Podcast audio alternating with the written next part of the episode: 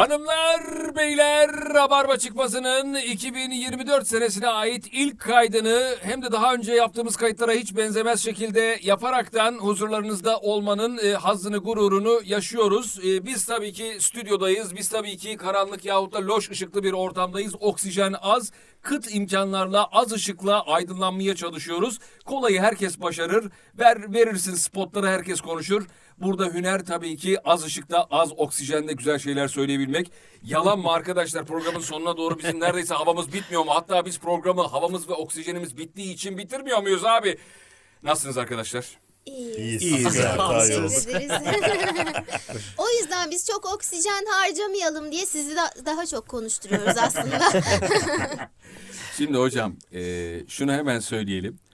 Bugünkü programda bir tabir kullanacağım mecburen. Aslında bu biraz müstehcen veya argo telakki edilen bir tabir ama aslında öyle değil. Bugün gerçekten herkesin tuttuğu kendine. Çünkü bugün gerçekten herkesin elinde kendi mikrofonu var. Ve herkesin ses seviyesi biraz daha dengeli olsun diye, biraz Aa. daha eskilerin tabiriyle efendim müsavi olsun diye mikrofonlarımızı elimize aldık ve o şekilde kayıt yapıyoruz. Bakalım nasıl olacak? Çünkü şunu fark ettik. Bazılarımızın sesi biraz daha yukarıda, önde, bazılarımızın sesi biraz daha aşağıda ve geride kalıyor. Oysa biz toplumda, toplumsal hayatta eşitliği yakalayamasak da bari podcast'te bu eşitliği yakalayalım hocam değil mi? Doğru. Aynı zamanda herkesin tuttuğu kendine diyerek neyi işaret etmiş oluyoruz? Çok Elbette iyi bir şey işaret etmiş gibi görünmüyorsunuz ama. hocam çok önemli bir şey işaret ediyoruz aslında. Bireysellik. Oo. Oh baby. Hocam günümüzün en büyük açmazı çıkmazı olmazsa olmazı bireysellik. Hani bireylik de demiyorum bak. Bireycilik. Ama bireysellik yani. Ne diyorsunuz abi? Bu bizi tek başına yeten, kendine yeten ve ıssız adasında yahut da kalesinde yaşayıp giden insanlara mı dönüştürdü? Neler oldu hocam ya? Kalabalık bir çevreye sahibim ama e, Kalabalıklar bayağı içinde o, yalnız. o kalabalığın içinde bayağı yalnız hissediyormuşum. Hocam bunun biliyorsun akademisyenler tarafından bir şeyi var, tabiri var. Buna aşiret yalnızlığı diyorlar. Öyle mi? Bu akademisyen tabiri mi? Uydurdum ya öyle bir şey. Ama gerçekten e, şehirde de muazzam bir kalabalık. Mesela bir binanın içindesin apartmanda. Apartmanın nüfusu, popülasyonu belki 200. Ama 200 kişinin birbirini tanıyanı, selam vereni, birbirinden tuz isteyeni falan filan çok az. Evet. Şimdi bu abi. tabii çok enteresan. Yani buradaki en büyük paradoks şu bence. Daha kırsal diyebileceğimiz yerlerde de eminim küslükler veya yalınlıklar vardır. Ama ve lakin orada binalar biraz daha mesafeli, biraz daha müstakil olmasına rağmen tanışıklık veyahut da selam kelam belki misafirlik şehir hayatına göre daha fazla. Oysa baktığın zaman şehir hayatında saflar sık ve düzgün. Yani bir katta dört daire var, bir katta 20-30 insan var. Fakat yakınlaşıldığı yani fiziken yakınlaşıldığı ölçüde manen veya ruhen kalben de bir e, ters tepmiş, uzaklaşılmış bir durum var hocam. Bu niye oluyor? Ya bence mesela tercih edilmiş yalnızlık kötü bir şey değil bu arada. Ama gerçekten tercih edilmemiz, edilmemiş yalnızlık e, insanı hakikaten çok yıpratan bir şey. Yani çok koyan bir şey. Hatta geçen programda konuşmuştuk sizle. İşte yılbaşına hiç yalnız girdiniz mi falan diye yanlış hatırlamıyorsam. Mesela hani bunu sen kendin tercih ediyorsan kötü değil. Hani ben yalnız kalmak istiyorum, kafamı dinlemek istiyorum.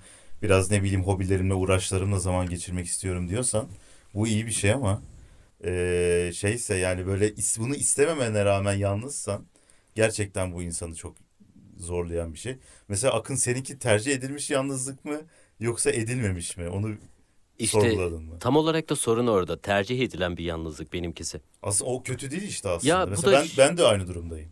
Öyle mi? Sen Tabii de mi tabii, tercih ben ettin? de tercih edilmiş Neyse yalnız. ki yalnız değilmişim ben ya. Bu kadar kişi yalnızken neden bu kadar kişi yalnız diye de şey Ya istedim. hocam eskilerden Sting'in Polis grubunda efendime söyleyeyim şarkı söylerken ki Message'ına Battle mıydı neydi öyle Mesajına bir şey? batıl. Orada bir mısra geçer efendim. Der ki Seems I'm not alone at being alone. Yani yalnızlıkta yalnız değilmişim gibi der Evet. hocam. Bir konuda yalnız değilmişiz demek ki. Güzel, da güzel. Aslında bu e, çok yaygın bir durum. Fakat herkes de buna teşne gibi. Evinden çıkmadan yemeği söylemek olabilir. Veyahut da dışarı çıkmanın maliyetleri ve masrafları dolayısıyla biraz daha kabuğuna çekilmek Ona olabilir. biraz da üşengeçlik diyelim de. Muhakkak bir sürü faktör var. var. Peki bu pandemi falan filan işleri bizim sosyalleşme anlayışımızı, zevkimizi ya da pratiğimizi sizce kalıcı değiştirdi mi? Yoksa nasıl maskeyi eskiden takıyorduk şimdi yine yüzde 95'i yüzde 98'i neyse takmıyor. O şekilde eskimize eskiye döndük mü? Ya çok da bir değişiklik olmadı aslında pandemi gelince. O dönem şeydim ben bir de hani işsizdim hakikaten hiç böyle hep evde oturuyordum. Çok bir değişiklik olmamıştı. Ama helal olsun sana ya. Hangi konuyu konuşursak konuşalım. Orada biraz böyle derbeder, biraz kayıtsız bir duruş sergiliyorsun ya sana helal olsun. Yılbaşı da konuşsak, bireysellik de konuşsak. Bize koymaz kardeşim. Biz zaten öyle- Pandemi koymaz kardeşim. Bize Zaten- vuran vurmuş kardeş. Aynen öyle, biz de zaten ölmüşüz sonra. Kötü değildi bence o pandemi zamanı ya. Ben de çok beğeniyordum. Zaten evdeyim ya herkes otursun falan diye şey Abi belki de pandemi devresinin e, en enteresan, hoş denebilecek tarafı şuydu. Herkesin durumu eşitlenmişti. Evet. Evet. Evet. Yani başka Yoklukta zaman birleştik. e, sağlıklı olan atıyorum geziyor dolaşıyorken ya da varlıklı olan bir şeyleri yiyor içiyor görüyorken Tabii. diğerleri bundan mahrumdu ama bir baktın en sağlıklısı en zengini de işte evinde oturmaya mahkum edildi falan filan böyle garip bir o mahkumiyet hissiyle beraber aslında herkes belki de e, en fazla eşitliği benzerliği o dönemde yakaladı yani. Fakat Doğru. tabii bu eşitlik aslında e, negatiflikte eşitlik oldu yani pozitiflikte eşitlik Yoklukta olmadı. birleştik işte. Yoklukta birleştik. Öyle olmaz mı zaten? Hep zor zamanlarda birleşiriz. Onun haricinde hep birbirimizi ayrıştırırız. İşte onlar bizden değil, onlar şöyledir, onlar böyledir. Yani şimdi açık konuşmak gerekirse Türkiye'de hep bu var. Evet doğru. Hep Sen bir- zaten ayrışmayacaksan da birileri e, böyle şeytanın avukatlığını yapar gibi ya da soldan soldan yaklaşır gibi falanca şöyle filanca böyle deyip seni ona uzak hissetmeye sevk ediyor. Evet. Ancak şöyle olacak. Dışarıdan bir dış bir tehdit gelecek ki biz birleşeceğiz. Dış mihrak Yani diyorsun. evet dış mihrakları. Demek ki dış mihrak kötü taraflarıyla beraber bizi birleştirdiği için dolaylı olarak iyi bir şey mi demiş oluyoruz yani. Değerlerimizi hatırlıyoruz tabii. Değerlerimiz nedir peki şu anda? Değerlerimiz şey abi değerler. değer mi değmez mi? Ona ya bakıyoruz abi. işte bu hani şey meselesi hepimiz kardeşiz meselesi var ya. Onu biz Mevlana'ya mı atfediliyor bir öyle hikaye var? zamanlarda hatırlıyoruz bence onu. Evet, Mevlana'ya atfedilen bir hikaye var galiba. Ee, talebesiyle mi geziyor nedir? İşte köpeklerin oynaştığını, seviştiklerini yani böyle iyi geçindiklerini görüyorlar. Talebesi de şey diyor, ya üstad diyor, baksana diyor, ne kadar da güzel geçiniyorlar, anlaşıyorlar. Biz insanlar bunlara örnek almalıyız falan filan diyor. Cevabı da manidar Mevlana'nın. Önlerine diyor bir kemik parçası, bir et at da diyor ondan sonra gör diyor. Sevişiyorlar mı, geçiniyorlar mı? Çok güzel. Ee, gerçekten biraz da böyle bir durum var aslında. Yani menfaatlerin çatışması, çakışmasıyla iyi geçinmeler de ya da kardeşlikler de ya da dostluklar da sınanabiliyor. O da ayrı bir e, tabii şey. Bu arada bu bireysellikle alakalı mesleğimizden bir örnek vermek istiyorum. Teknolojinin getirdiği, yarattığı bir durum olarak. Ben mesleğe başlayalı 18 yıl falan oldu. İlk başladığımızda tulum kayıt bir iki kere şahit olmuşumdur. Birkaç kere şahit olmuşumdur. Bir iki elin parmağını geçmez toplamda. Tulum kayıt dediğimiz yani bir filmin ta başından sonuna kadar hiç durmadan ya da bölünmeden girenin çıkanın olduğu ama aynı zamanda o filmin de hep beraber bitirildiği kayıt usulüne çok az denk gelsem de bu rabarba tabir ettiğimiz ve bizim podcast'te de ismini veren hikayede 15-20 kişinin bir arada olduğu kayıtlara ben çok denk geldim. Şimdi ise bazı stüdyolarda e, aslında böyle 15-20 kişilik kayıtlar pek yapılmıyor. Hatta bazen insanlar tek başlarına giriyorlar. İşin o e, ufacık repliklerini veya rabarbalarını bile tek başlarına oturup hallediyorlar. Bu aslında işte yaşadığımız bir bireyselleşme ve beraberinde yalnızlaşma diye düşünüyorum.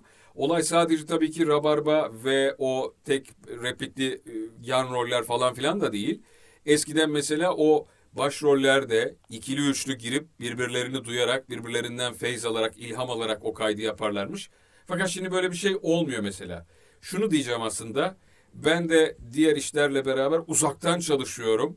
Ve uzaktan çalıştığım zaman her ne kadar entegre olsam da, oraya kanalize olsam da bir ahenge, bir uyuma kendimi kaptırmaya çalışsam da yine de fiziksel beraberliğin enerjisi, sinerjisi farklı oluyor diye düşünüyorum. Siz ne diyorsunuz? Mesleki açıdan ve toplumsal hayatta bu bizi nasıl etkiliyor acaba? Ben mesela o tulum kayıt olsun isterdim şu anda da ya. Bence çok keyifli olurdu.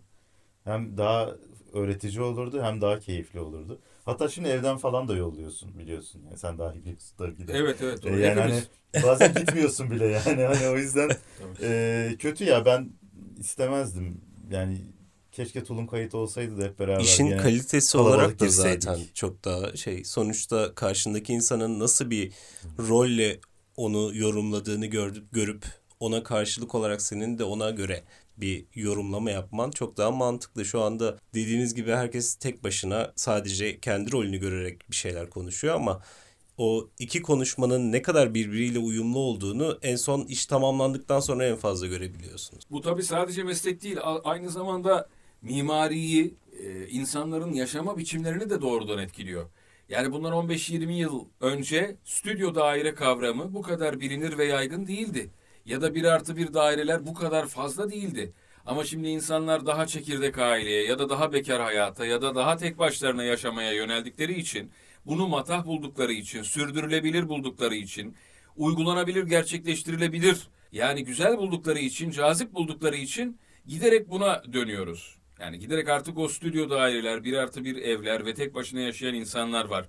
Burada e, olgunlaşmış mı oluyoruz? Biz artık tırnak içinde daha batılı sayılabilir miyiz? Yani bu geniş aile kavramından akrabalar, cümbür cemaat, bir evde üç kuşak, dört kuşak yaşanan yerden artık tek başına olmak, kedinle yaşamak, köpeğinle yaşamak, arada bir de arkadaşlarını misafir olarak ağırlamak.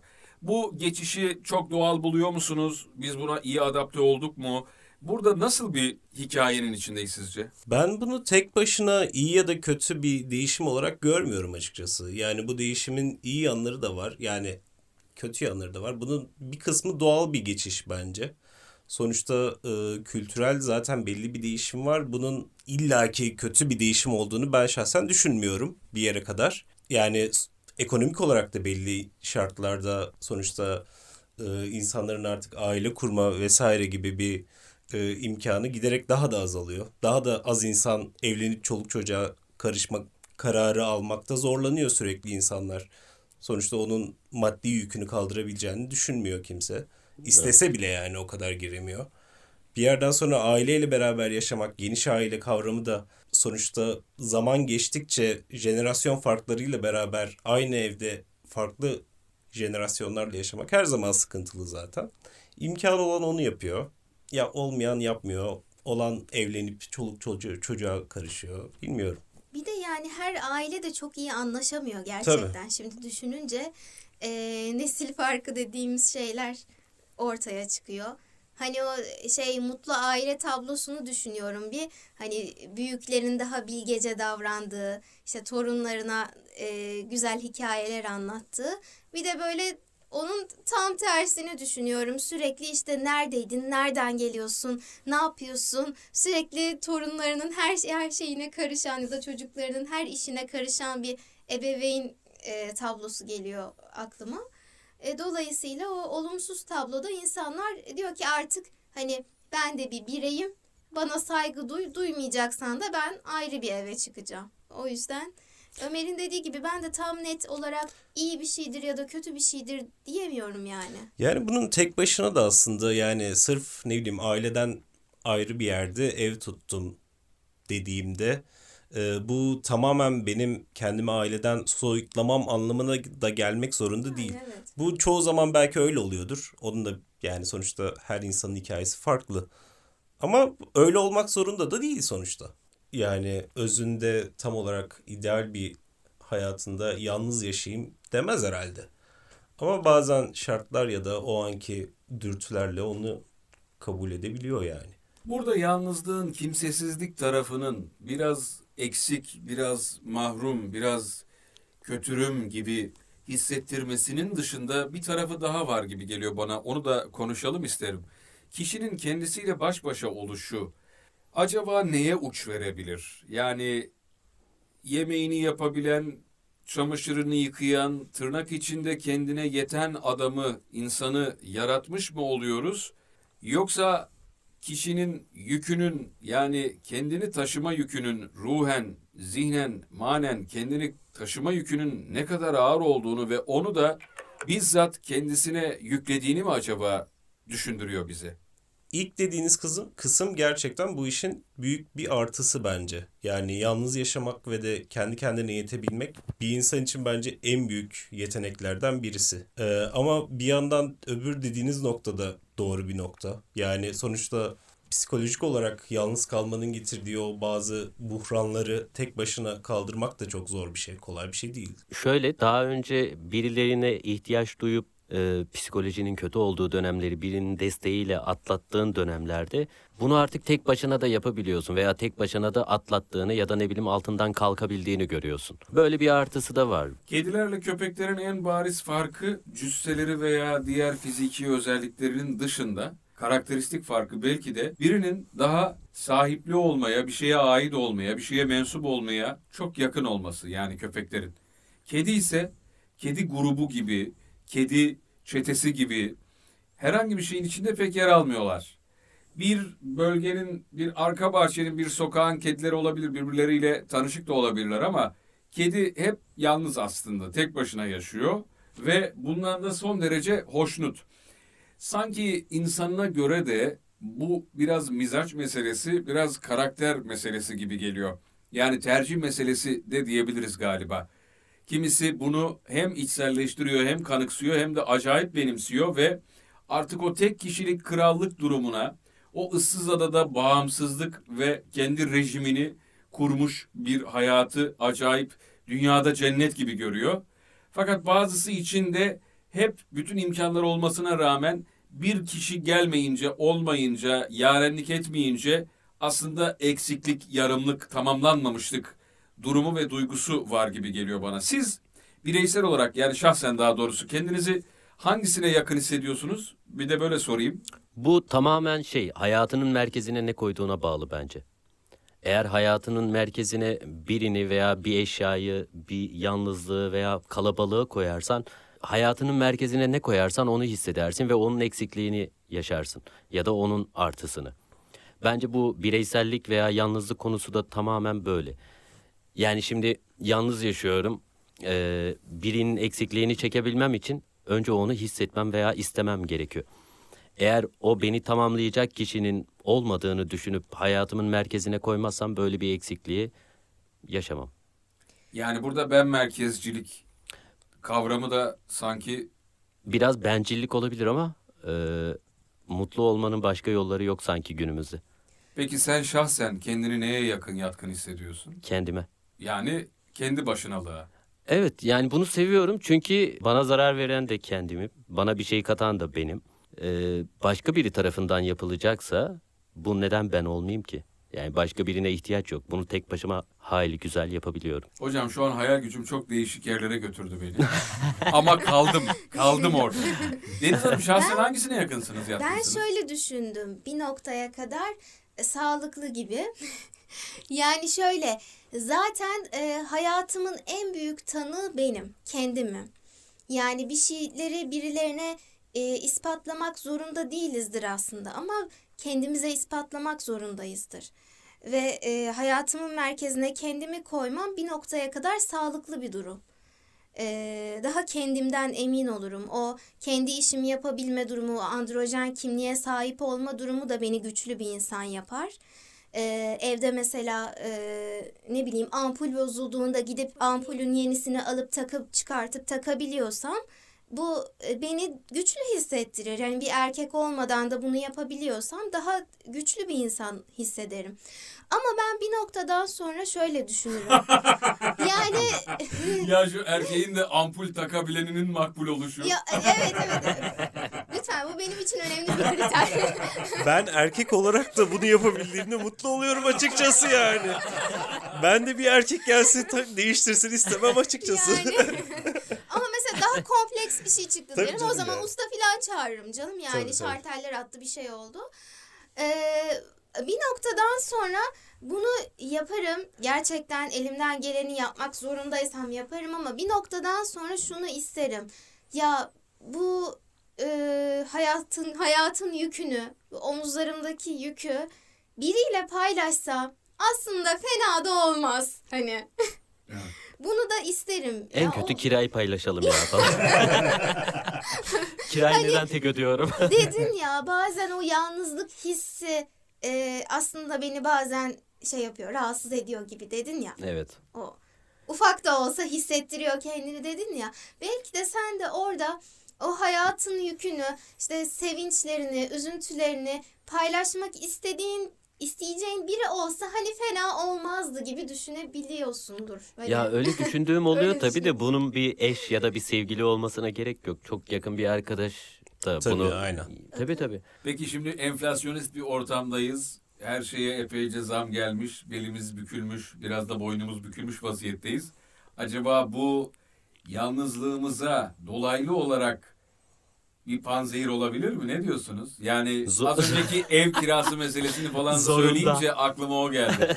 Ulan tek başına yaşayamayacak hale gelip de artık ya çiftleşeceksin ya da bir ev arkadaşıyla falan filan. Böylece acaba yalnızlıklar azalacak mı? Ne diyorsunuz enflasyona Yani- paralel? Panzehir doğru bir kelime mi? Ondan emin değilim ama bilmiyorum.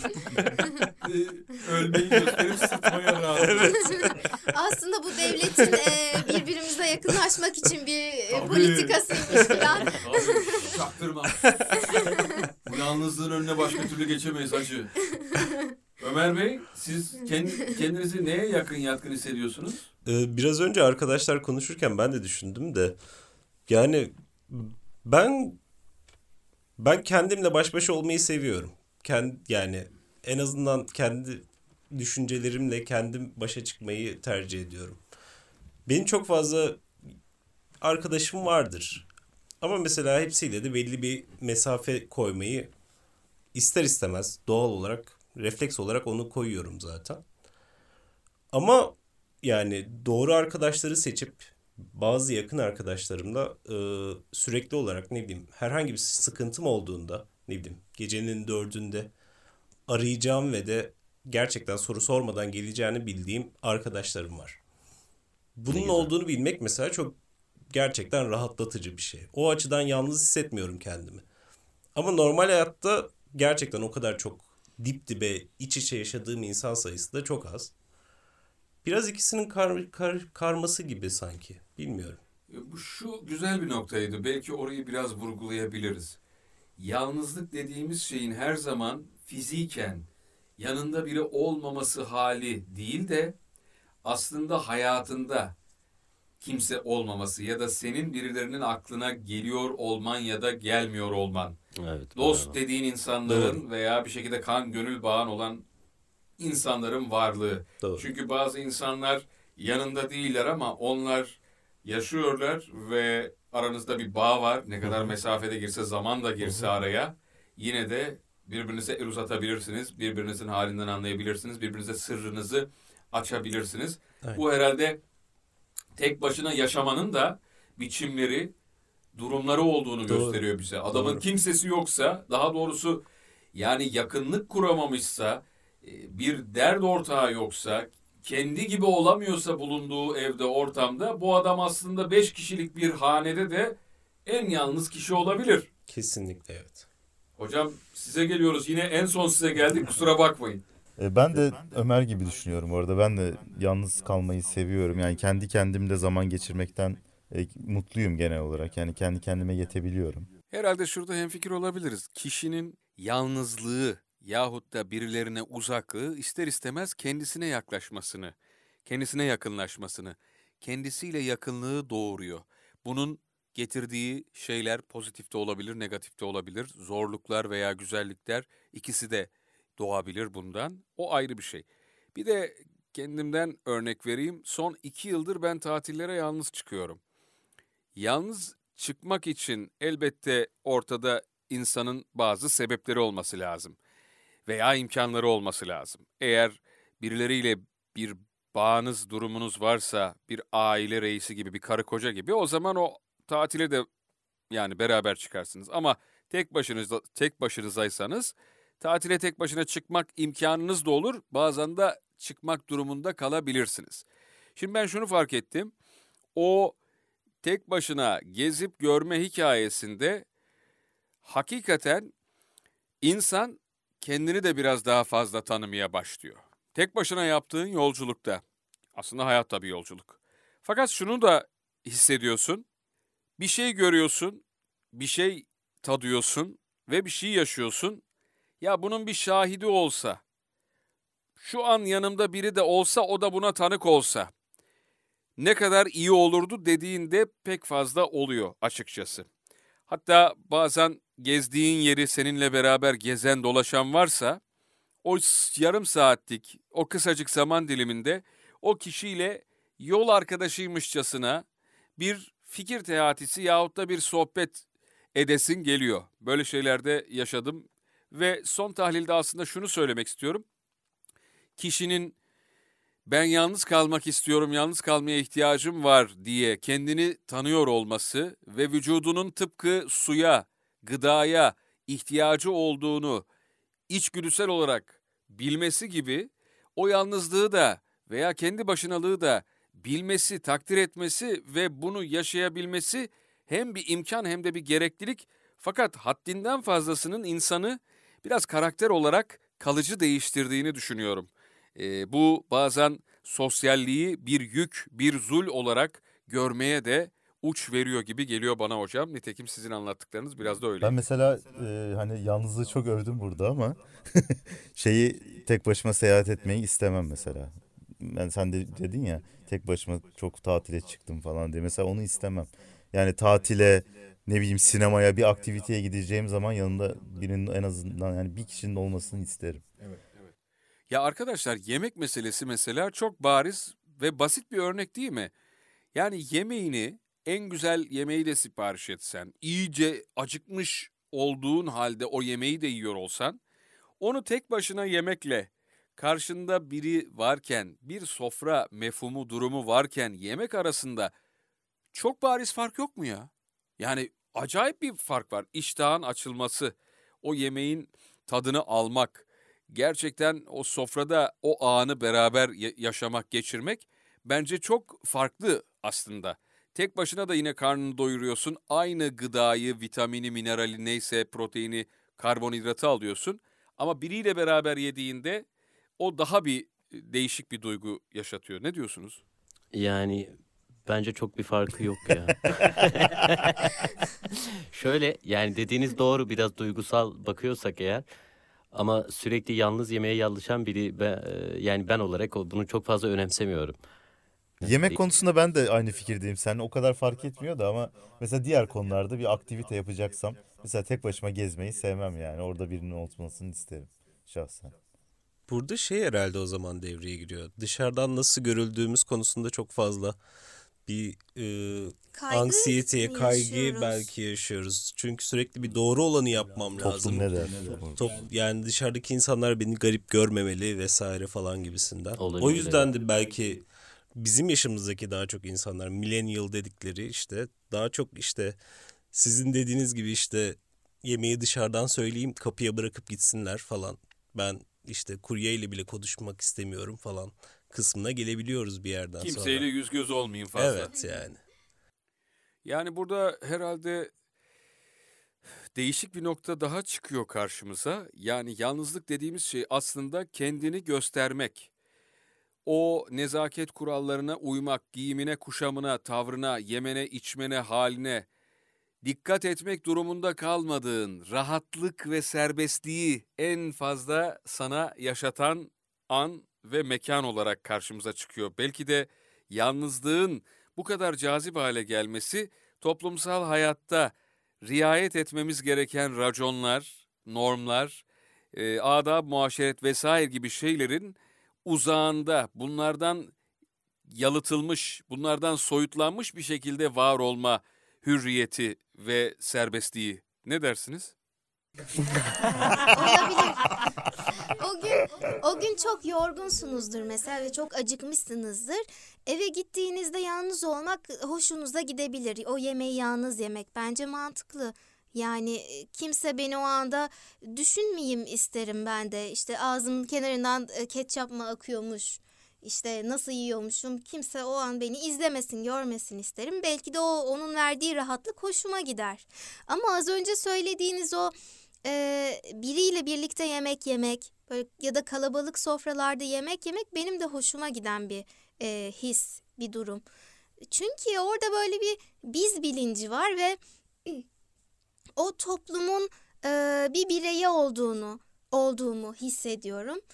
E, ve bence bu güzel bir his arkadaşlar. Yani bilmiyorum nasıl anlatabildim mi? O hissi seviyorum ben. Yani diğerlerinin mutluluğundan mutlu olma hissini seviyorum. Evet. Ya da o gün mesela o sofrada benim de yapabildiğim bir şey varsa bir salata yapmışımdır. Birilerinin çok hoşuna gider. Ondan sonra aa öyle mi hoşuna mı gitti tekrar yaparım ben senin için filan. Yani bir başkasının mut, sevdiğim birinin mutlu olması o yemek masasında benim de hoşuma gider. O yüzden eee, yani insan zaman zaman gerçekten yalnız da yemek yemeli. eee, sevdikleriyle de yemek yemeli. Bravo. Öyle düşünüyorum. Zaman zaman evet olabilir katılıyorum.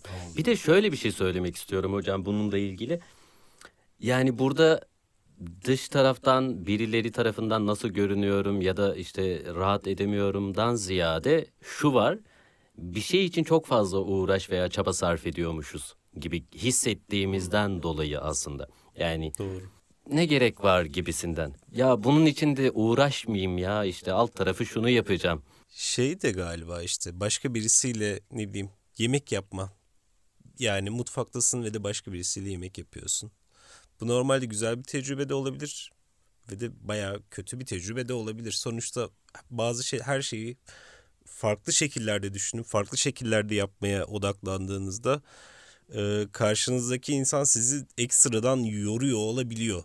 Ya da yani bunu en basitinden bir şey konuşurken sürekli size garip gelen bir noktadan anladığında sürekli kendinizi anlatamadığınızı düşündüğünüz noktada o, o da yalnız olmanın daha iyi olduğu bir noktaya geliyor o noktada. Yani sonuçta karşımda kimse olmasa ben kendim duvara konuşsam daha iyiydi diye dediğiniz zamanlar oluyor yani.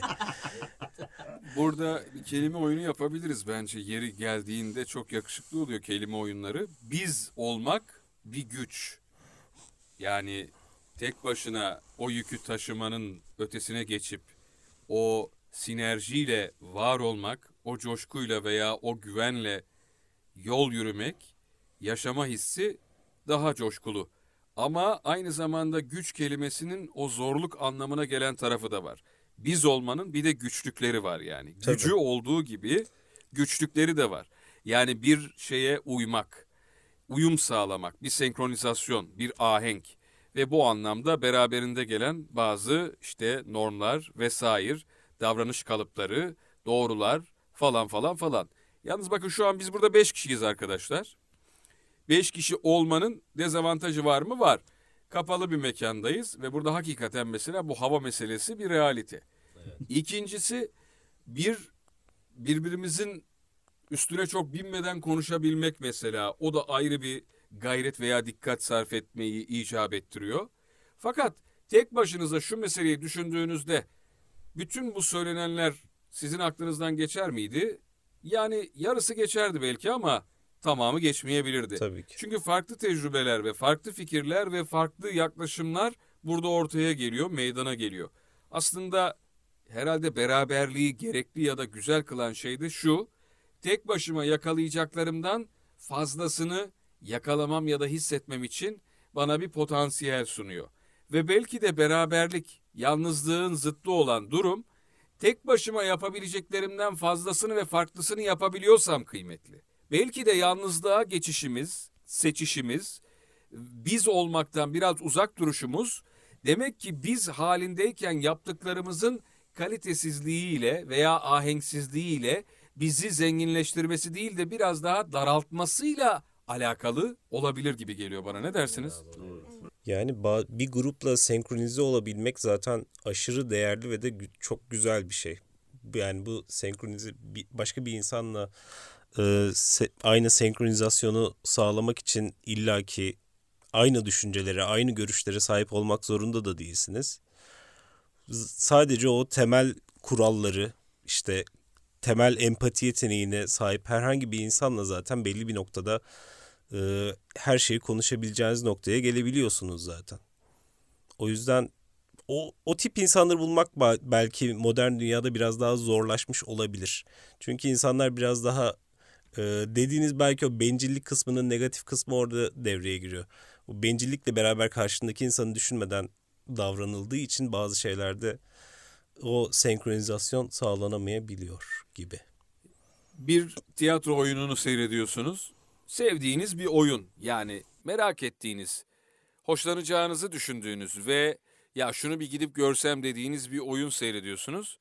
Ve salonda bir tek siz varsınız. Şimdi çok güzel, acayip lüks. Düşünsene 6 kişi oynuyor oyunu ve bir sen varsın sana oynuyorlar. Yani kral kral gibisin bir yönden ama bir taraftan da sensin orada yani tamam mı? Tek başınasın. Bir de düşün ki salon dolu. Seninle beraber 100 kişi var veya 50 veya 500 sayı değişebilir ve onlarla beraber bunu seyrediyorsun. Yani tiyatro gibi, konser gibi canlı faaliyetlerdeki bir aradalığın sadece sahnedekilerin performansı olmadığı, aynı zamanda seyircilerin de aynı şeyi yapıyor oluşuyla da ilgili bir tarafı var. Yani orada sen başkalarıyla beraber o şeyi seyrediyorsun ve sadece sahnedekilerle bir alışverişin yok. Belki de salonda da bir etkileşim halindesin. Yani dolayısıyla şunu demek istiyorum. Sinemaya gitmeye artık üşeniyoruz. Sinemada film seyretmeye üşeniyoruz. Ama ben 40 yılın başı sinemaya gittiğimde şunu fark ediyorum. Sinemada olan şey sadece film seyretmek değil. Sinemada olmak ve orada birileriyle beraber film seyretme hali. Yani tabii ki oraya insanları kesmeye kim geliyor? Çiftler mi, tekler mi, aileler mi, sevgililer mi, arkadaşlar mı falan bunlara bakmıyorsun. Ama onu da aynı zamanda yaşıyorsun orada tecrübe ediyorsun. Yani o film sinemada seyredildiğinde o salonla beraber, o salondakilerle beraber bir deneyime dönüşüyor. Yani aslında orada yan ne kadar yalnız bile gitsek o filme o salondaki insanlarla olmanın verdiği bile bir aidiyetlik hissi, hissi var. Yani ben evet şu anda bu gruba dahilim.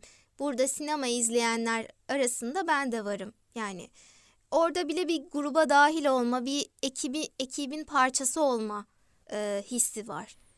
Evet bence de kesinlikle. Yani tam olarak hissiyat. Ya bir şeyleri paylaşmak güzel ama gerçekten hani bir bir duyguyu ya da bir şeyi o yüzden insanlar bence o yüzden yalnız olmak o açıdan hakikaten kötü.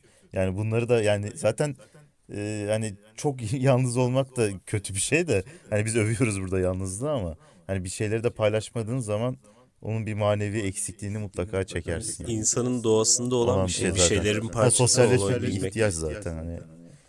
Bir de bazı insan aidiyet ve mensubiyet söz konusu olduğunda çok daha katı yahut da bir ordu neferi gibi hissetmeye teşne oluyor.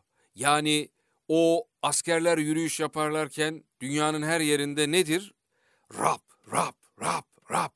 Yani beş kişi de yürüse, bin kişi de yürüse o böyle aynı anda yapma durumu vardır mesela. Şimdi buradan baktığım zaman sivil hayatta da bazı insanların bunu daha fazla besleyici ve cazip bulduğunu görüyorum. Fakat toplumdaki yaygın, hakim zevklerin veya davranışların içindeyken yahu bu herifler ne yapıyor, ne saçmalıyor diye onları garipseyen, yadırgayanların da giderek biraz aykırılaştığını, biraz böyle kenara çekildiğini ve son tahlilde yalnızlaştığını düşünüyorum. Kendimden yine bir örnek vereyim futbol meselesinden. Ben şahsen takım tutmuyorum. Çünkü takım tutanların e, beraber olduklarında, bir araya geldiklerinde yaptıkları sohbeti ya da maç seyrederken girdikleri halleri ve sürekli bunu takip ederek bir merak ve aynı zamanda bununla bir duygulanma, üzülme ya da sevinme gibi şeylere bürünmelerini biraz e, sağlıksız buluyorum. Ama şunu görüyorum, adam doktorasını yapmış akademisyen de olsa, çok naif bir insan da olsa hop falanca takımı tutup onun çok sadık bir taraftarı olarak yaşayabiliyor. Yani kendi baş kendine yeten e, bir insan bile kazıdığınızda altını bir aidiyeti, bir mensubiyeti, bir şeyi çıkabiliyor.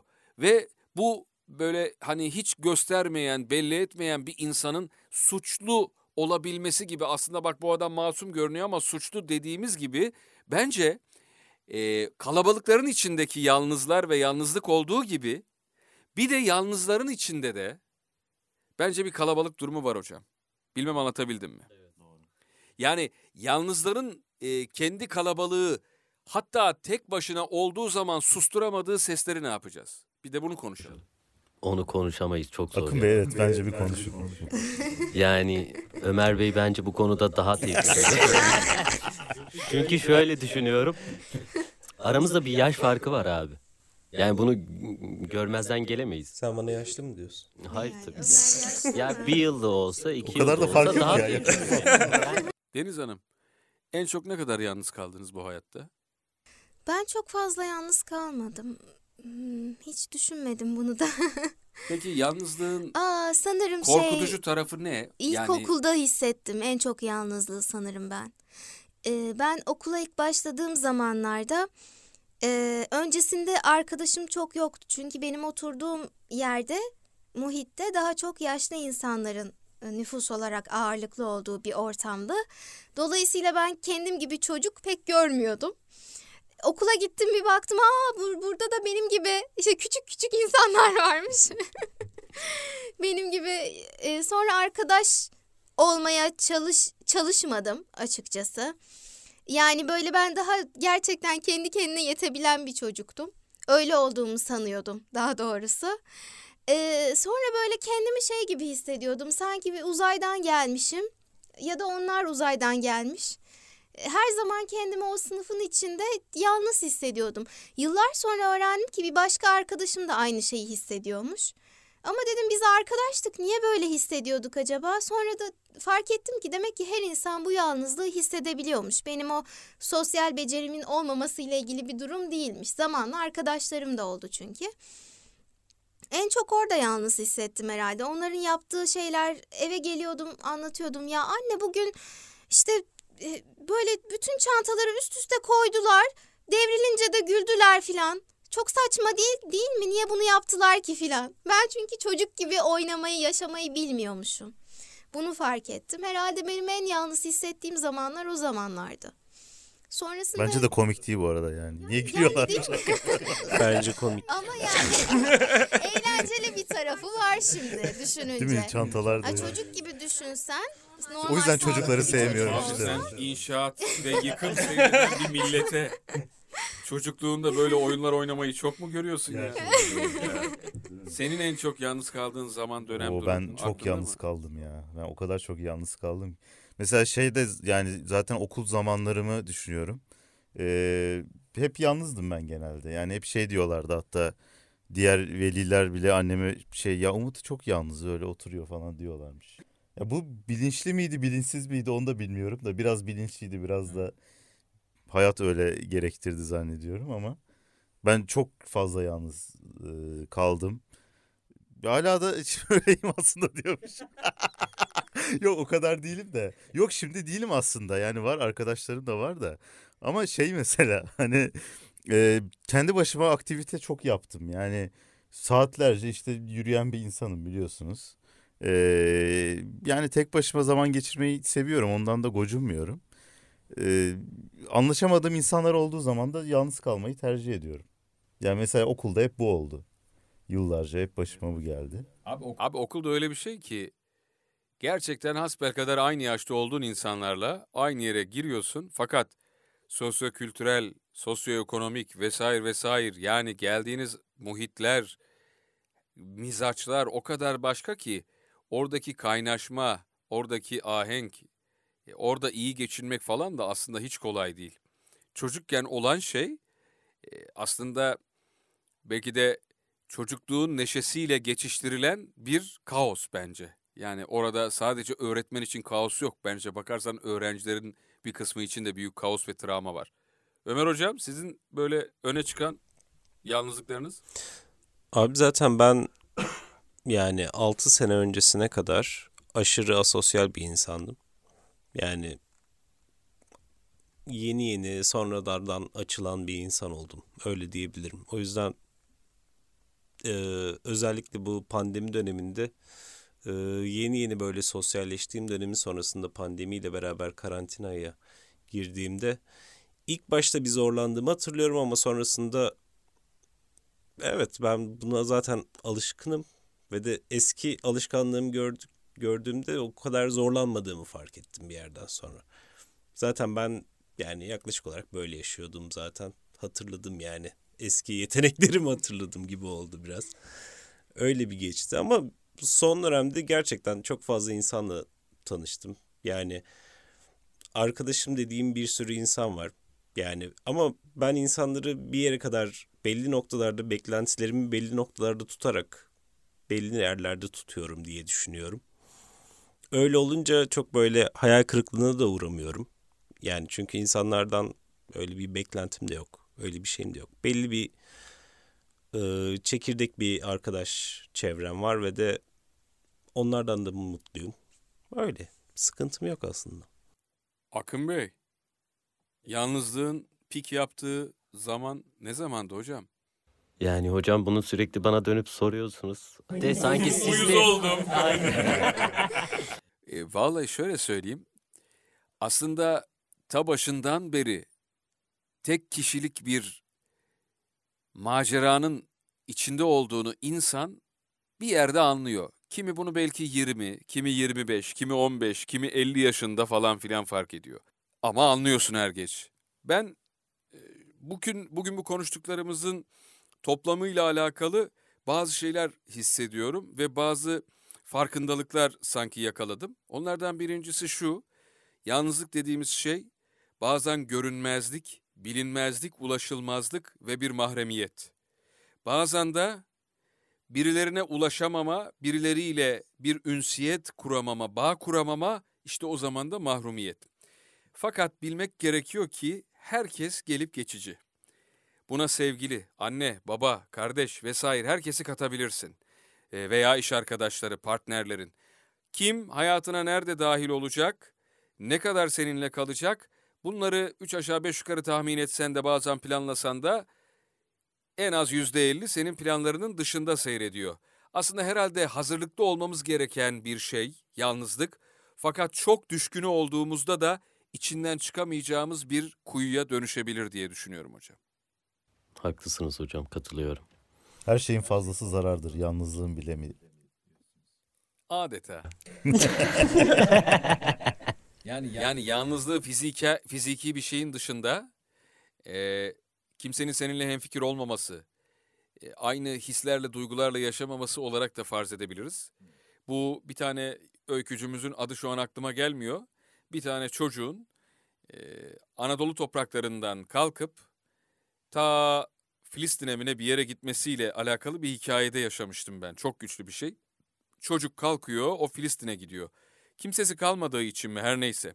Filistin dedim de yani daha bugünkü Filistin değil, daha ortada İsrail falan yok yani. Ve orada çocuğun en büyük sıkıntısı ne biliyor musun? Aynı dili konuşan, yani ana dilini konuşan, Türkçeyi konuşan kimse yok. Çocuk orada Araplaşmak durumunda. Giderek oradakilerle hemhal olmak için o lisanı öğre- öğrenmek durumunda ve yazar bize bu değişimi şöyle hissettiriyor. Çocuğun adı Hasan, yani biz Türk ağzıyla Hasan diye söylüyoruz. Fakat artık orada ki insanlar çocuğa Hasan diye sesleniyorlar. Ve çocuğun adı bile değişiyor aslında. Bence gariban, gurbet kelimelerinin uzakta olmak, tek başına olmakla beraber insanın adını bile değiştiren derin bir tesiri var. Yalnızlık da insanın hem adını hem tadını değiştiriyor. Tabii kimine ilaç oluyor, kimine de e, zehir olabiliyor. Zaten ilaçla zehri ayıran şeyde biliyorsunuz doz farkı. Yalnızlığın, Güzeldi. yalnızlığın Güzeldi. dozu çok önemli hakikaten. Doğru söylüyorsun. Eyvallah. Güzeldi vallahi, hoş oldu. 2024'e demek ki Yalnız daha girdik. Evet, aklımız evet, aklımız başımızda biraz daha her şey olabilir e, farkındalığıyla girmişiz. Ben hayır. Abi geç kaldım zaten. Ben şu anda çok şey. Ben geç kalmadım. Sen erken geldin. Yok abi burada bir yerde. Daha manalı oluyor diye ben söylüyorum.